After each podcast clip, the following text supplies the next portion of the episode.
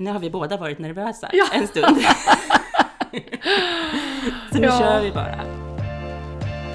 Ja, men inte konstigt att man blir lite nervös, för i det här avsnittet pratar jag med en person som har varit min idol i nästan 25 år. Hon är fritidspedagog på Skaparskolan och en av Sveriges bästa basketspelare genom tiderna. För mig är hon grit personifierad och har inte bara inspirerat mig som basketspelare utan även lärt mig hur viktigt det är att faktiskt se och uppmärksamma andra människor och framför allt att knyta näven i luften istället för i fickan. Så det är faktiskt med lite extra pirr i magen som jag idag välkomnar Nina Baresso. Men du Nina, hur, eh, hur brukar du presentera dig för nya människor som inte vet vem du är? Nej, självklart vid namn det första jag gör och sen eh, brukar jag alltid dra ett skämt. Vill du veta mer får du googla. Då kommer det upp en hel del. Och sen när jag säger att jag är 45 och spelar på elitnivå då blir de så här what? Ja, Jag bara, ja, men det är inte jag- jättevanligt. Nej, och varför jag gör det, det är också för att jag tog på mig att vara en förebild ganska, ganska tidigt. Eh, När jag var runt 14-15 när jag bestämde mig att jag ska vara den förebilden jag själv saknade när jag var ung. Och eh, då gör jag allt som står i min makt för att vara det, visa vägen, visa att det går att eh, spela och göra det man är passionerad för. Även att ha en familj och ha barn, jobba heltid. Det finns ingenting som kan stoppa dig förutom du själv. Och jag, måste, jag kan inte bara säga orden om inte jag själv lever efter de orden. Och då pushar jag mig själv till att hålla mig motiverad, till att träna, till att hålla mig på den nivån som jag vill vara på. Men vad hände där när du var typ 14-15 då? Vad... Nej men jag upplevde så här. Eh, du vet ju själv när du har varit ung, när du kollar på damlagsmatcher, herrlagsmatcher. Jag satt i, var, i hallen i princip på alla Södertäljes matcher. I och med att jag tillhörde Södertälje då. Eh, damlagsspelarna gick bara förbi oss som var ungdomsspelare. De visste knappt vilka vi var. Och då satt vi där och hejade fram de spelarna. Och de gick bara förbi efter matchen. Man fick ingen ögonkontakt. Man fick ingen relation till dem. Och jag kände så här, varför? Jag satt där så här med, du vet, med hoppet så här, nu ska jag träffa dem. Nu ska jag heja på dem. Så får man ingen kontakt. Och där bestämde jag mig, en sån vill inte jag vara. Utan jag vill se alla. För då, många är också där för min skull. För att jag finns där. Och skapar inte jag den relationen till dem, då har de kanske ingen anledning till att komma på mina matcher. Så att där bestämde jag mig liksom, äh, men jag ska se alla. Jag ska försöka bygga relation med så många som möjligt. Och än idag så är jag väldigt medveten om när jag är i skolan, hälsa på alla elever. Jag går inte förbi någon. Om inte jag är i en stressig situation själv, att jag måste göra annat och jag inte ser någonting framför mig. Men annars går jag så här, det är brofist med alla de här tuffa killarna, det är high five med tjejerna. Frågar, så här, säger alltid god morgon, hur mår du? Och stannar upp och lyssnar på svaret. Inte det, här, bara... det som du berättar nu, det står ju i, i nomineringen till eh, lärargalan. Ja. Du blev nominerad till eh, årets bästa lärare. Ja, det är extra kul. Det står det så här. Jag vill att min lärare ska vinna för att jag känner att min lärare verkligen ser och hjälper alla i klassen. Hon är väldigt positiv, hjälpsam, snäll, rolig. Och varje gång man kommer in i hemkunskapssalen så hör man alltid Hej, hur mår du? Hon frågar alltid om hur du mår och om du känner dig nere så kan du alltid prata med Nina om vad som har hänt. Jag tror att ingen i vår klass hade orkat med hemkunskap om det inte var för Nina Barezzo. Hon är bäst. Ja, jag fällde någon tår när jag läste det där, för det är verkligen så jag jobbar. Och eh, försöker, jag försöker vara den som jag säger att jag vill vara. Och eh, när eleverna upplever det som jag försöker göra, det, det går inte att mäta i ord hur stort det är för mig. Och eh, Men jag kan ju intyga det här också. Jag, jag vet inte om jag vet inte, alla som lyssnar på den här podden kan, kanske känner mig bara som lärar Patricia, men jag, du är ju här för att du har ju varit en av mina förebilder alltså sedan jag var 16. När jag var och tittade på dina matcher, för jag är ju också gammal basketspelare. Ja. Eh, så att du, ja, jag tycker ju verkligen att du lyckades med det där. Att det, du, gick, ju- du gick ju aldrig bara förbi och sådär, utan var ju verkligen så här, Att, eh, stannar alltid kvar efter matcherna, efter, när jag ser ungdomar som, vill, som är där för att söka kontakt. Eh, och alla som ville ha mitt telefonnummer fick den. Jag vet inte hur många det är som har mitt mobilnummer. och när folk frågar så här, har du, eh, kan man få ditt nummer? Ja, jag är offentlig här, ta mitt nummer. Jag delar ut det till allt och alla. För man vet aldrig, det är kanske någon som behöver en vuxen som ser dem och så har de inte den i sitt vardagsliv. Jag kanske är den enda som ser dem. Och kan de känna att om vi kan ringa Nina och jag kan göra en skillnad för den individen. Vem är jag som ska säga nej? Om, det, om, jag har den, om jag har den förmågan att kunna göra det och, den, och lägga ner den tiden, varför inte? Jag kan inte förvänta mig att alla andra ska göra det. Jag måste ta ett eget ansvar. Och speciellt när jag har blivit så här, som en, känd som en stor basketstjärna också. Då är det ännu viktigare att vara med, göra medvetna val. Att vara medveten om hur du pratar, hur du agerar, hur du behandlar folk och vilka spår du faktiskt lämnar i dina möten med människor.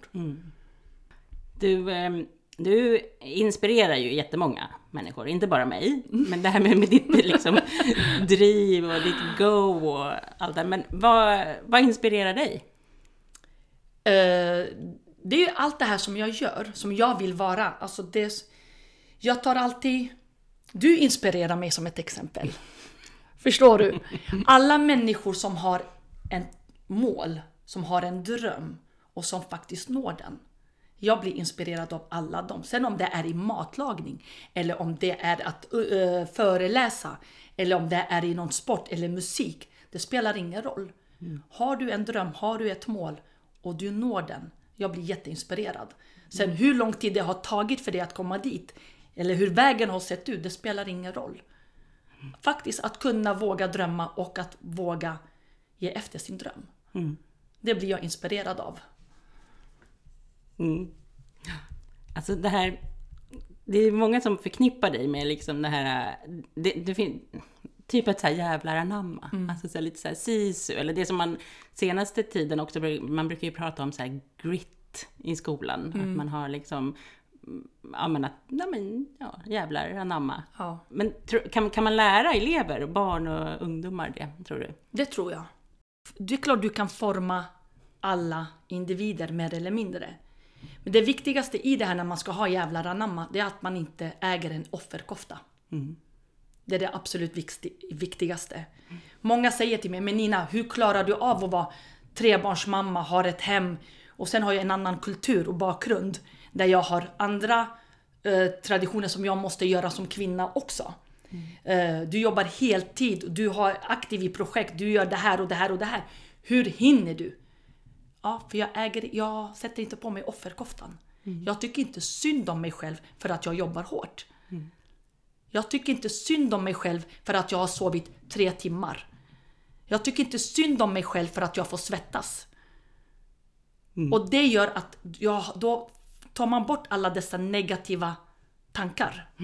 Och då fylls bara med positivt. Ja men jag gör det här, jag gör det här. Och det här och det här och det här. Och det, man fylls med energi. Och jag tror att alla människor kan göra det. Men det handlar om inställning. Till saker och ting man gör. Och inställning gentemot sig själv. Och det är mycket sånt jag försöker även prata med eleverna om. Okej, den här gjorde så här. Varför tyck, tycker du synd om dig själv? Eller vad är? Om du gör så här, tror du det kan bli annorlunda? Just att inte så här, alla är mot mig, allt går mot mig. Ja, det gör det här och nu. Men hur ska du ta dig ur det? Hur länge ska du tycka synd om dig själv? Hur länge ska du gråta för att du upplever att alla går emot dig? När, om man frågar den andra kanske upplever någonting helt annat. Kan de hantera samma- det då, eleverna? Med de yngre tar det lite längre tid. För det är ganska svårt att greppa allting. Eh, Med de äldre, de som verkligen lyssnar, tar till sig det här eh, mycket mer. Eh, För man kan prata på olika sätt. Just med kroppsspråket, hur du använder ditt kropp och allting. Det påverkar mer i mötet än med de här yngre åldrarna. Där måste man bryta ner det så mycket tills man kommer dit. Och sånt ger man dem inte på en eller två dagar utan det krävs ett långt arbete. Redan liksom när de börjar i förskoleklass. Och har man inte det med sig hemifrån då tar det en kanske lite längre tid. Ja, men För man att- pratar ju en del om att så här, föräldrar och lärare och skolan liksom curlar elever lite grann. Att här, man är kanske lite väl eh, lindar in saker en Ja, del. alltså det, det, det, det kanske de gör. Eller jag tänker utifrån hur jag jobbar. Jag ger dem aldrig lösningar. Alltså jag ger aldrig, i en konflikt ger jag aldrig en lösning till hur de kan lösa det. Och jag ber dem aldrig, ja men nu ska du säga förlåt. Jag ser många vuxna som säger, säg förlåt nu, säg, för- du säger förlåt, sen är det över. Men vad har vi skickat med dem då? Ingenting egentligen. Okej, din upplevelse var så här att man bekräftar bägge sidorna, för alla har rätt till sina känslor. Och när de blir bekräftade i sin känsla i den situationen, då blir de också mer lyhörda.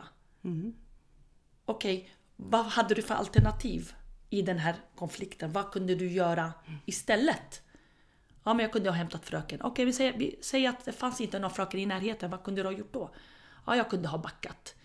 Okej, om du hade backat, vad tror du skulle hända? I den situationen. Tror du att du skulle få det slaget? Nej, kanske inte. Vad gjorde du mer för... Alltså att man ställer så här följdfrågor hela tiden för att väcka deras tankeverksamhet. Eh, Det blir ganska häftiga möten när man inte är där och dömer dem direkt. Nu gjorde du fel och du gjorde så här. Det verkar som att något gick fel. Försök. Nu Google la sig i. Nej, Så att jag tror när man kan ge dem de här, att man vägleder dem med sina egna tankar och att de ser en annan väg. Så tror jag att man kan, de kan lära sig det här. Allt har ju med inställning att göra. Hur låter jag det här påverka mig? Om någon säger att jag är dum i huvudet. Men är jag verkligen dum i huvudet? Behöver jag ta åt mig? Om jag inte tycker att jag är det, varför tar jag åt mig? Förstår du? Mm, ja, verkligen. Man kan säga vad man vill men det, jag kan inte påverka hur den, den andra ska agera. Men jag kan påverka hur jag agerar, hur jag tar det. Och hur jag reagerar på det. Jag försöker mycket så här prata med eleverna så här, men hur kan du reagera mot det som sägs mot dig? Jag säger inte att det är okej att den säger så. Men vad kan du göra så att det inte stör dig? Mm, precis. Att man ger dem så här verktyg att jobba med sig själva istället för att jobba hela tiden vad den andra ska göra. Men det hänger ju på dig själv. Mycket. Jag tänker på det där med förlåt. För att Ja. min, mina barn, de är ju bara ja, två och fem. Mm. Snart tre och sex. Eh, men min son han säger det ganska ofta. Att eh, när Julia då, som är två, Mm. snart tre. När hon säger förlåt. Då säger han så här, men det räcker inte med att bara säga förlåt. Nej. Nej. För att, och det, vet, det har ju vi pratat med honom också om. Att Ja. så här, ja, nej, men det är inte så enkelt att om man har gjort någon annan liksom illa eller ledsen att man bara ska säga förlåt. Sen är det en del av det hela med att kunna bli sams och sådär. Men att, liksom, att det handlar om att dels att göra förlåt också. Men att så här, nej men det är inte all, man kan inte vara hur risig som helst och sen bara, nej men jag sa förlåt. Ja, men jag tänker så här, just det här med förlåt. Du kan säga förlåt på flera olika sätt. Det kan vara ett agerande och mm, i slutändan blir det bara tomma ord. För ordet förlåt betyder ingenting om det inte händer en förändring. Nej, precis. Att man ska liksom göra förlåt. Man ska inte förlåta bara för förlåtandets skull. Utan man måste ta en lärdom av, okej, varför säger jag förlåt? Vad är orsaken till att jag måste säga förlåt? Mm, precis. Och kunna jobba med sig själv. Okej, jag kanske inte ska hamna i de här situationerna. För jag kanske ska behandla folk som jag själv vill bli behandlad. Om, inte, om jag blir ledsen av det här, men då kanske inte jag ska göra det här mot den här. Att ge dem de här, den typen av verktyg blir nästan viktigare än de orden som sägs. Det är som att jag säger jag älskar dig. Men jag gör ingenting som visar att jag älskar dig. Vad hjälper de, de orden? Kommer du bli varm i hjärtat av att jag säger jag älskar dig? Men jag visar det aldrig. Ja, men precis. Förstår du? Ja, absolut. Så att det blir samma, man vill inte att de orden, jag tycker många, många pedagoger i skolans värld, framförallt kan vara på fritidshemmen också. Där man, ja men du säger förlåt, du säger förlåt, det är klart. Då blir jag så här, jag blir väldigt ställd. Jag bara, men det är ju inte klart. Nej. Vi har inte löst någonting. När vi löser en konflikt så måste vi passa på att skicka med någonting. Jobba så mycket med värdegrund. Hur är jag som människa? Hur vill jag vara? Vem vill jag vara? Hur ska jag marknadsföra mig själv? När jag kliver in i ett klassrum, vem vill jag vara? Jag vet att jag vill vara den mest omtyckta läraren i hela skolan. I hela Sverige, i hela världen. Det är den jag vill vara. Vad måste jag göra då? Jag måste bemöta med respekt. Jag måste visa omtanke. Jag måste vara lyhörd. Jag måste vara rolig. Jag måste vara bestämd. Jag måste eh, liksom... Allt som jag tror på måste jag ta in i min undervisning. Du måste vara Nina Barresso helt Ja, enkelt. och samtidigt är brukar, jag pratar speciellt med de äldre eleverna när de kommer in och skapar lite kaos ibland. Men du Pelle, vem vill du vara när du kliver in i klassrummet? Hur vill du, vad vill du att jag ska tänka om dig när jag går ut från klassrummet? När jag lämnar där, när jag ska tänka på klassen, och när jag tänker på Pelle. Vem vill du? Hur vill du att jag ska tänka? Vad vill du att jag ska tänka om dig? Ja, men nej, men jag vill ju vara... Ja, vad behöver du göra för att bli den eleven då? För just nu stör du min lektion i det här läget. Jag är inte arg på, på dig utan bara kanske mer irriterad på det som sker i klassrummet. Men om du tänker på vem du vill vara och hur du vill marknadsföra dig själv så måste du tänka, är det här rätt sätt? Kommer jag dit? Kommer jag dit? Är det ja, då fortsätter du. Är det nej, då måste du kanske tänka om. Och nu vet alla när de kliver in, när jag får chansen att undervisa. De vet, Nina är allergisk mot fula ord. De vet exakt hur jag funkar. Det är så kul att se hur det sker en förändring när man inte skriker på dem. Eller när man visar att man är arg. Utan bara så här, vem vill du vara? Jag vet, när, jag, när ni går hem, när ni pratar om skolan, så vill jag att mitt namn ska vara först. När ni diskuterar lärare. Om vilken lärare är roligast eller häftigast eller bäst. Då vill jag vara den. Det är samma sak på plan. Jag vill vara den bästa spelaren. Vad behöver jag göra? Jag behöver kämpa, jag behöver jobba, jag behöver träna hårt. Jag kan inte sitta och lalla. Då får jag ingenting gjort. nu gick jag ifrån ämnet tror jag. Men... Nej, nej. Då, då. Allting, allting har ju med basket att göra. Ja, Eller hur? Ja men det är så. När man eh, har spelat så länge som jag har gjort och, och jag vet att mitt sätt har ändå varit bra för att jag har lyckats i det jag har gjort. Så vet jag att jag kan eh, applicera allt jag kan från idrottens karriär som jag har haft in i, i min arbetsliv. Ja, men du, vad lär du dig just nu då? Nu, vad jag håller på att lära mig just nu det är att baka napolitansk pizza. Jaha! Jag har blivit lite av en pizzanörd efter att jag köpte en, en, en vedugn. Ja, okej. Ja. Men det kanske inte var det du frågade. Nej, men...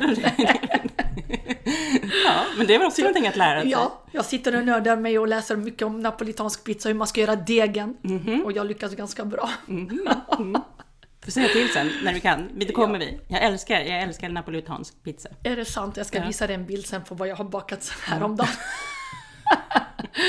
Nej men jag känner så här, jag lär mig saker varje dag. Jag försöker liksom att vara bättre än vad jag var igår. Det handlar inte om alltid liksom kunskapsmässigt att utveckla sig själv utan jag utvecklar mig själv som människa. Vad kan jag, vad kan jag eh, göra för att bli bättre än den jag var igår? Eh, Vi alla är mänskliga, vi alla felar. eh, eh, Jag vill hela tiden så här, jag tar lärdom av mina misstag. Har jag varit otrevlig mot någon, vilket jag aldrig, alltså jag har inget medvetet val jag gör, men om man ska, jag försöker alltid självrannsaka mig själv. Igår var det så här, hur kan jag göra det lite bättre? De här små, små stegen som vi pratar med eleverna om även sker hos en själv. Att, att bli, ja, till ett bättre jag helt enkelt. Det, kämp- det jobbar jag med mycket med mig själv om hela tiden. Hur kan jag bli en bättre människa och visa mina egna barn framför allt. För de gör ju som jag gör och inte som jag säger. Klyschigt men, men det är sant. Spelar de basket? Ja, såklart.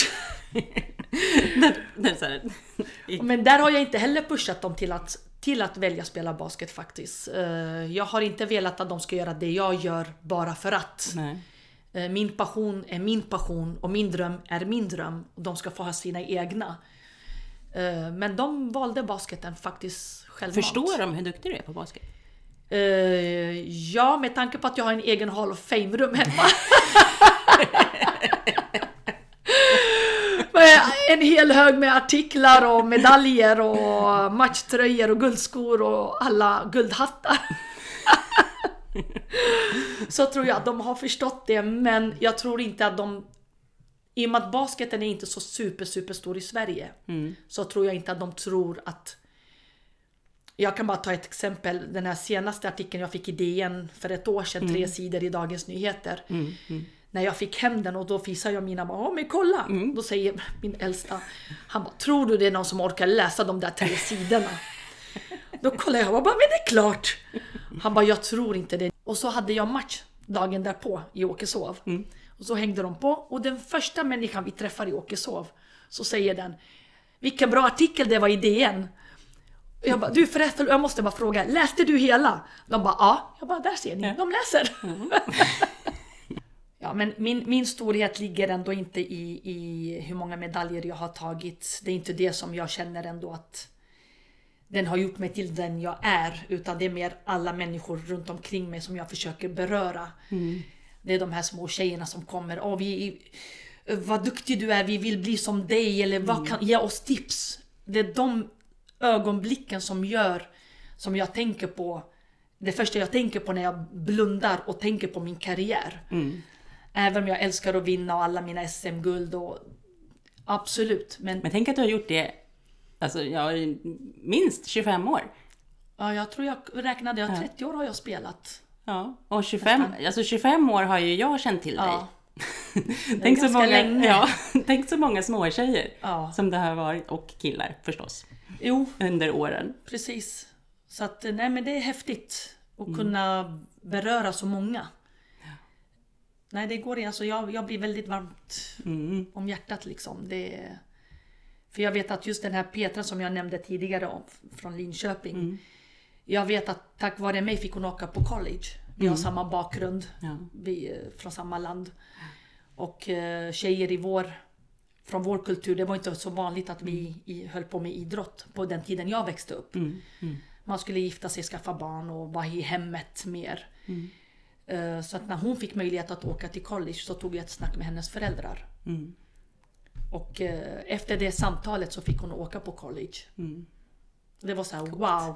Det, Fatta vilken livsav, vilket livsavgörande. Ja.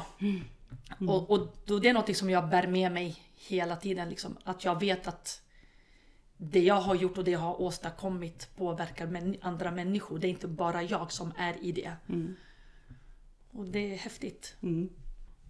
Mm. Ja, helt, helt, helt otroligt faktiskt.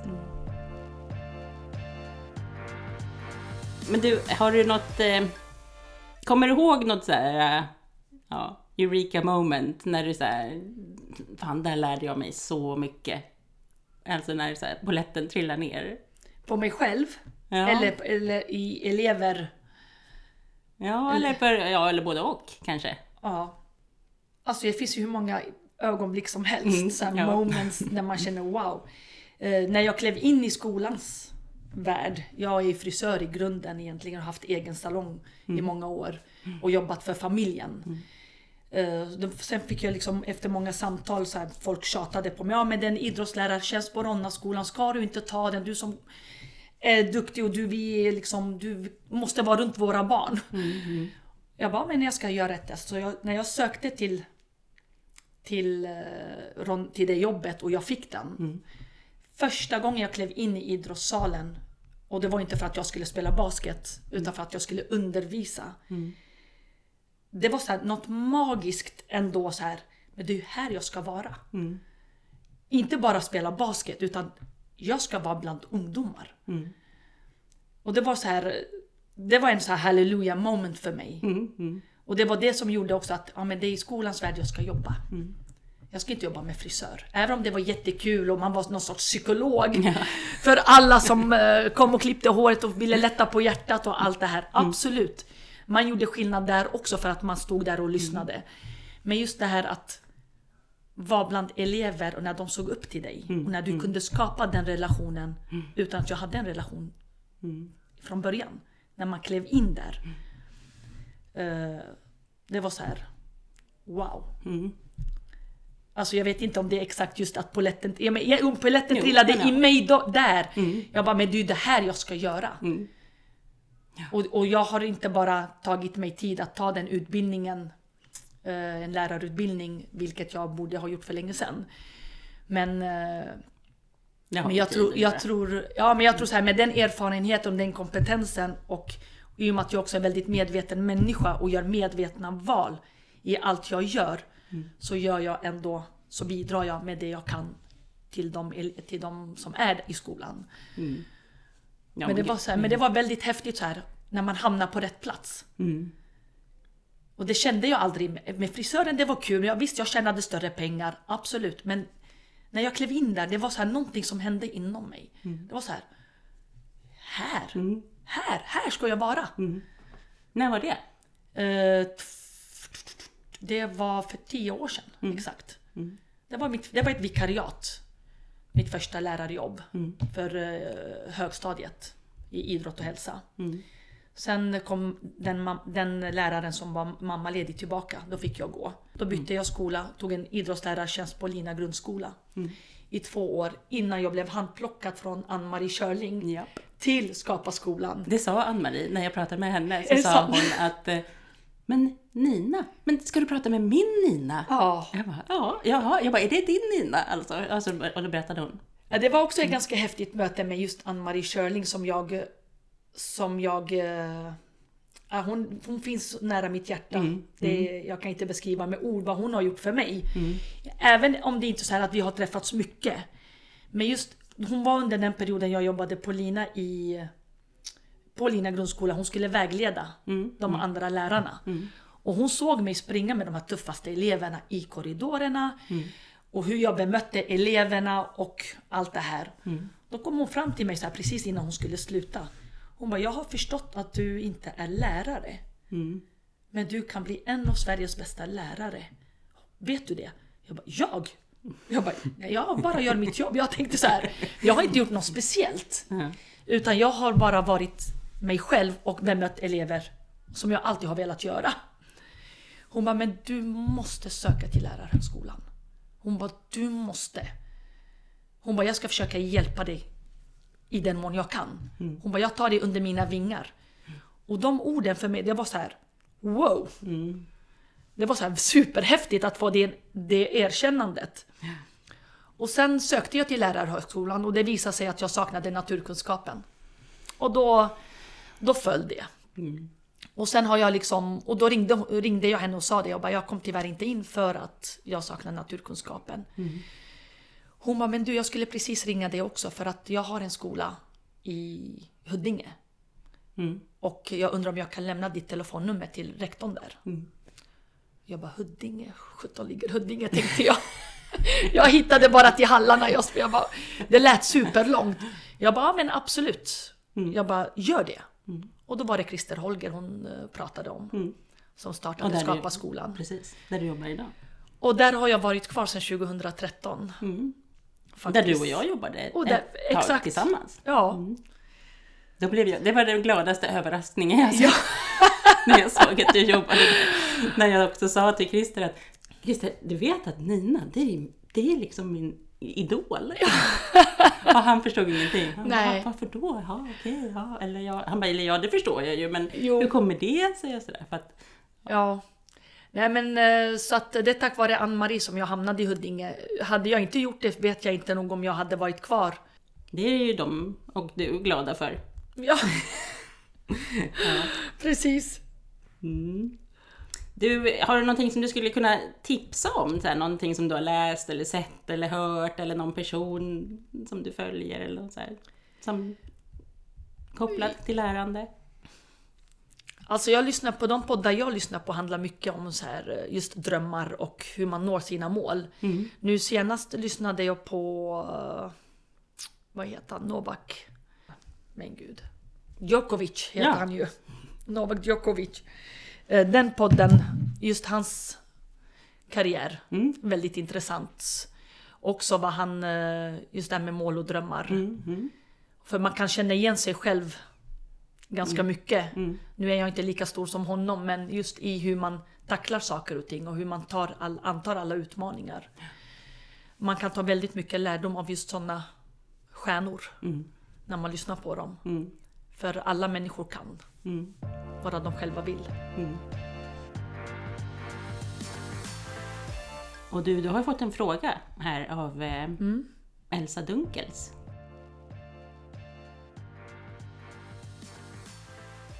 Hej Nina!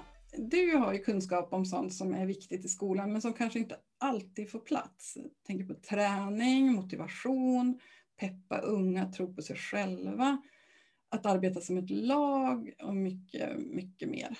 Om du fick fria händer att ändra på skolan utifrån dina kunskaper och erfarenheter, vad är de viktigaste sakerna som du skulle ändra på?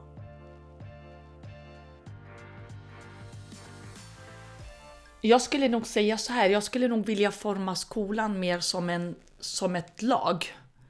Där våra rektorer eller chefer är våra coacher. Vi är medspelarna och sen har vi elever som också är våra med, att vi ser dem som våra medspelare. Att allas elever är allas elever. Och jag ser inte att det är så i dagsläget. I de skolorna jag har jobbat i så ser man säger att vi vill se alla elever som våra elever. Men det gör man inte. För att så fort det händer något, ja men där är den eleven, kan du ta den för jag har inte relation till den eleven. Och då blir inte alla elever allas elever. Och kan vi få bort det tänket, eh, att vi spelar mer som ett lag tillsammans med eleverna, så tror jag vi, skolan har mycket mer att vinna på. Eh, att, le, att dra åt samma håll tillsammans med dem. Eh, för nu känner jag liksom, det är många som backar för att de inte har just de eleverna, för att de inte är mentorer för de eleverna. Och då skapar vi inga, inte den här vi-känslan som man, mycket, som man pratar mycket om. Den förblir bara på papper. En, vi vi vill skapa vi-känsla. Men hur gör man det?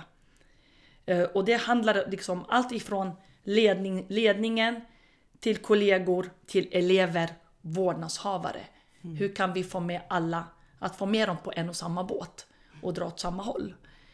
Eh, Det skulle jag vilja, vilja se som en förändring egentligen, att man ser skolan som ett, som ett team. Och eh, min upplevelse är så här, fritids, skola, finns alltid ett glapp. Vi pratar samverkan, men det är samverkan bara från ett håll. Fritids ställer alltid upp från skolan, men inte tvärtom. Några enstaka gör det, ja. Men inte som helhet. Man har inte det tänket. Det handlar om att man har ett tänk. Återigen att göra medvetna val. Hur ska vi komma dit? Ja, alla måste vilja ta ansvar. Att göra det där lilla extra. Att det gör ingenting om jag ger. Allt handlar inte om att man ska, det ska, ah, men nu har jag planeringstid, nu kan inte jag göra det här. Men om du ger lite så får du mer tillbaka. Om alla kunde bara tänka jag ska ge. Och så får man utvärdera sen, vad har jag fått? Men om inte någon är villig, om ingen vill ge, då är det svårt att få tillbaka också. För jag, jag, jag får mycket energi av att jag ger. Okej, jag skippar min planeringstid. Jag hoppar på Jag gör det här. Jag tar den här undervisningen. Det gör ju eleverna gott. Och eh, kan, det skulle jag, hade jag lätt så här ändrat så hade jag fått till, försökt få till det tänket. Även i praktiken och inte bara i ord. Så här bygga som ett lag. För jag vet, jag, alla mina medspelare kanske jag inte gillar. Eh, Men jag behöver respektera alla. Jag behöver kunna samspela med alla. Alla fyller ett syfte ändå i slutändan. Vi är som pusselbitar. Eh, Det du är bra på behöver inte jag vara bra på. Vi kompletterar varandra. Att ta, varand- ta vara på varandras kompetenser. Att våga vara utanför sin comfort zone. Okej, jag, kan- men jag gör det här. Jag kanske får lite hjälp av det. Ja, men tänk så här, så här, så här. Så gör jag det. Dels utvecklar jag mig själv och dels blir vi mer som ett team. Att kunna lyfta min kollega. Shit vad bra du var. Vad duktig, jag vill lära mig mer av dig. Att våga lyfta varandra. Det ser jag inte så mycket av i skolans värld. Eh, Man försöker liksom... Ja, men det är min klass. Min, mina elever och bara där jag finns. Man tänker inte helhet. Och jag tänker alltid helhet. Eh, Jag jobbar på låg och mellan nu men högstadieeleverna ett, försöker också skapa relation till. För att de är i samma byggnad. Vi är mellan samma väggar. Vi ser varandra, vi andas samma luft. Vi är i samma lag. Skolan är mitt lag. Det är mitt team, det är mitt hem. Jag spenderar fler timmar i skolans, i skolans byggnad än vad jag gör i mitt hem. Om man räknar bort sovtimmarna. Så att man, om man ser det så här, det här är mitt. Inte mitt och ditt. Alltså det här är vårt. Så tror jag man kan vinna mycket mer på. Och, och det är också hur vi vuxna är med mot varandra som elever får se. Om jag går förbi det utan att hälsa, varför ska eleven hälsa? Det finns ingen anledning för eleven att hälsa för att jag visar att det inte är viktigt. Om jag aldrig frågar hur du mår, varför ska eleven fråga? Eller varför ska de vara schyssta mot varandra? Att man eh, lyfter varandra på ett positivt sätt. Sen behöver man inte älska alla. Det, kommer, det är omöjligt. Men just visa respekt och även kunna göra skillnad mot om en Patricia som kollega och sen Patricia som person. Man, har en, man är ju professionell i sitt yrke. Eh, sen behöver jag, jag behöver inte tycka om det, men om jag ser att du gör ett bra jobb, jag ska ändå kunna lyfta dig. För att du faktiskt gör ett bra jobb. Så att eh, det. Vad skulle du vilja säga då, avslutningsvis här? Skulle du vilja säga någonting till de som lyssnar här, som möter barn och ungdomar i skolvardagen? Det är ju nog många som lyssnar här idag som är... Är det så? Så jag tror det är inte bara svensk, inte bara basket, svensk Nej, basketmänniskor. Precis. Ja, nu, nu, nu når jag en annan publik än den jag är Ja. van vid. Eh, nej men alltså, våga skapa relationer. Alltså s- skapa relation är A och O idag. Utan en relation så kommer man ingenstans. Och det handlar inte om om jag har känt eleven eller inte. Eller människor runt omkring mig. Jag kan kliva in i vilken skola som helst. Jag skapar min relation i mitt möte direkt. Sen blir den kanske inte den relationen djup, men jag skapar min respekt. Ledarskap handlar mycket om vad du skapar. När jag, och våga kliva in även om det inte är dina elever. Se dem som dina, för att förr eller senare så kommer vi i kontakt med de eleverna på ett eller annat sätt. Eh, och vå- vå- våga vara, alltså man, att man ska vara ödmjuk inför elever. Se dem för vad de är och man går ner på deras nivå. Och liksom, de behöver kramar, de behöver ramar. Eh, och viktigt med och just det här med kroppsspråket. Du kan säga en sak med ditt kroppsspråk och dina ögon säger någonting annat. Du försöker inte låta argt men allt annat speglas väldigt aggressivt. Då blir det ingen bra. Utan att vara medveten om faktiskt hur man säger saker och ting och hur du använder ditt kroppsspråk i mötet med eleven. Tror jag är väldigt viktigt. Eller är min erfarenhet av, eh, av under min, de åren jag har jobbat i skolan. Som har varit i, i nära relation till, eh, i kontakt med elever. Jag kan ta de här tuffaste, de blir sällan arga på mig. De blir sällan så här, ja ah, men hon är dum i huvudet. För att jag faktiskt bemöter dem där de är i, de, i den situationen de befinner sig i. Men du, kan du inte berätta om det här projektet som du är med i, i Geneta? Jo, eh, jag är... eh, Det är en projekt som görs med SBBK, Södertälje Basketbollklubb och Sörmlandsidrotten. Eh, en projekt där vi... Där jag går till Vasaskolan i Geneta och håller i en basketlektion eller basketträning för 80 tjejer i två pass. Eh, åldrarna två, årskurs 2 till 3 och 4 till 5. Det är, eh, Geneta är ett utsatt område i Södertälje och eh, många med invandrarbakgrund eller nysvenskar som inte riktigt har integrerat sig eller inte håller på med någon form av rörelse. Och vi vill ju främja det här. Eh, Den här spontana rörelsen, att de kanske kan söka sig till, till idrottsföreningar. Eh, Och det, jag har valt att fronta just det projektet också för att jag vill göra skillnad. Och jag vet ju själv när jag växte upp, som jag sa tidigare, att det var inte vanligt att vi skulle hålla på med idrott. Och många som kommer nya till Sverige kommer från länder där tjejer faktiskt inte idrottar. Eh, Så att mitt sätt att kunna bidra till det här det är att öppna upp dörrar för dem. Och göra det så roligt som möjligt, se dem, bekräfta dem, få en liten pratstund, vara den förebilden som vi tidigare har pratat om. Eh, De tycker det är superkul. Varje gång jag kommer dit så har jag så här 50-60 tjejer åt gången som springer mot en och ska kramas även i dessa coronatider. Men den, art- det, det, eh, Jag blev ju också uppringd av Loka Heroes. Mm. Så nu ska jag bli en ambassadör för dem. eh, Som en eldsjäl. Det är superkul. Och det är ju också en mening till allt man gör. Mm. När man uppmärksammas på det sättet. Och jag hoppas, eller vi hoppas på att det här projektet ska, ska komma till andra skolor i Södertälje också. Och gärna liksom även utanför Södertälje. Eh, Nu är det Geneta, vi hoppas på Hovsjöskolan och Lina, Ronna. Där det är väldigt utsatt. Där barn och ungdomar inte riktigt har den idrottsföreningslivet. Och där föräldrar inte är aktiva heller i, i föreningar. Det vill vi gärna främja. Mm. Hur får de information om att, eh, att de här tillfällena finns? Eh, Det har gått, det, i, och med att det är under deras fritidstid Mm. eh, så har de på deras fritidstid så är jag där. Mm. okej. Mm. Ja, så när jag slutar, vi har valt en dag där jag slutar tidigt från mitt jobb. Mm. Då går jag dit direkt. Hoppar på två träningspass med, med dem. Då har de med en fritidspedagog, Mm. eller två. Eh, De har väl gått ut med information till föräldrar, det har suttit affischer och rektorn där har varit aktiv i det här projektet. Mm.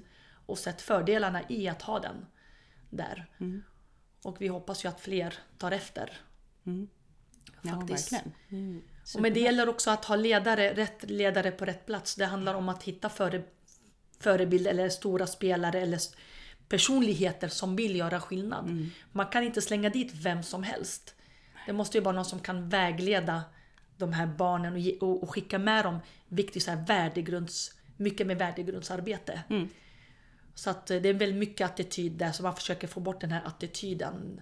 Att kunna respektera varandra, jobba mycket med kärlek. Visst, ni går inte i samma klass, du är inte din bästa vän, men här har vi inte, jag ska vara med min bästa vän. Jag försöker liksom få ihop alla. Vi är som ett lag, återigen bygga dem som ett lag. Att de ska se varandra som ett lag. Visst, ni går inte i samma klass, men ni går i samma skola.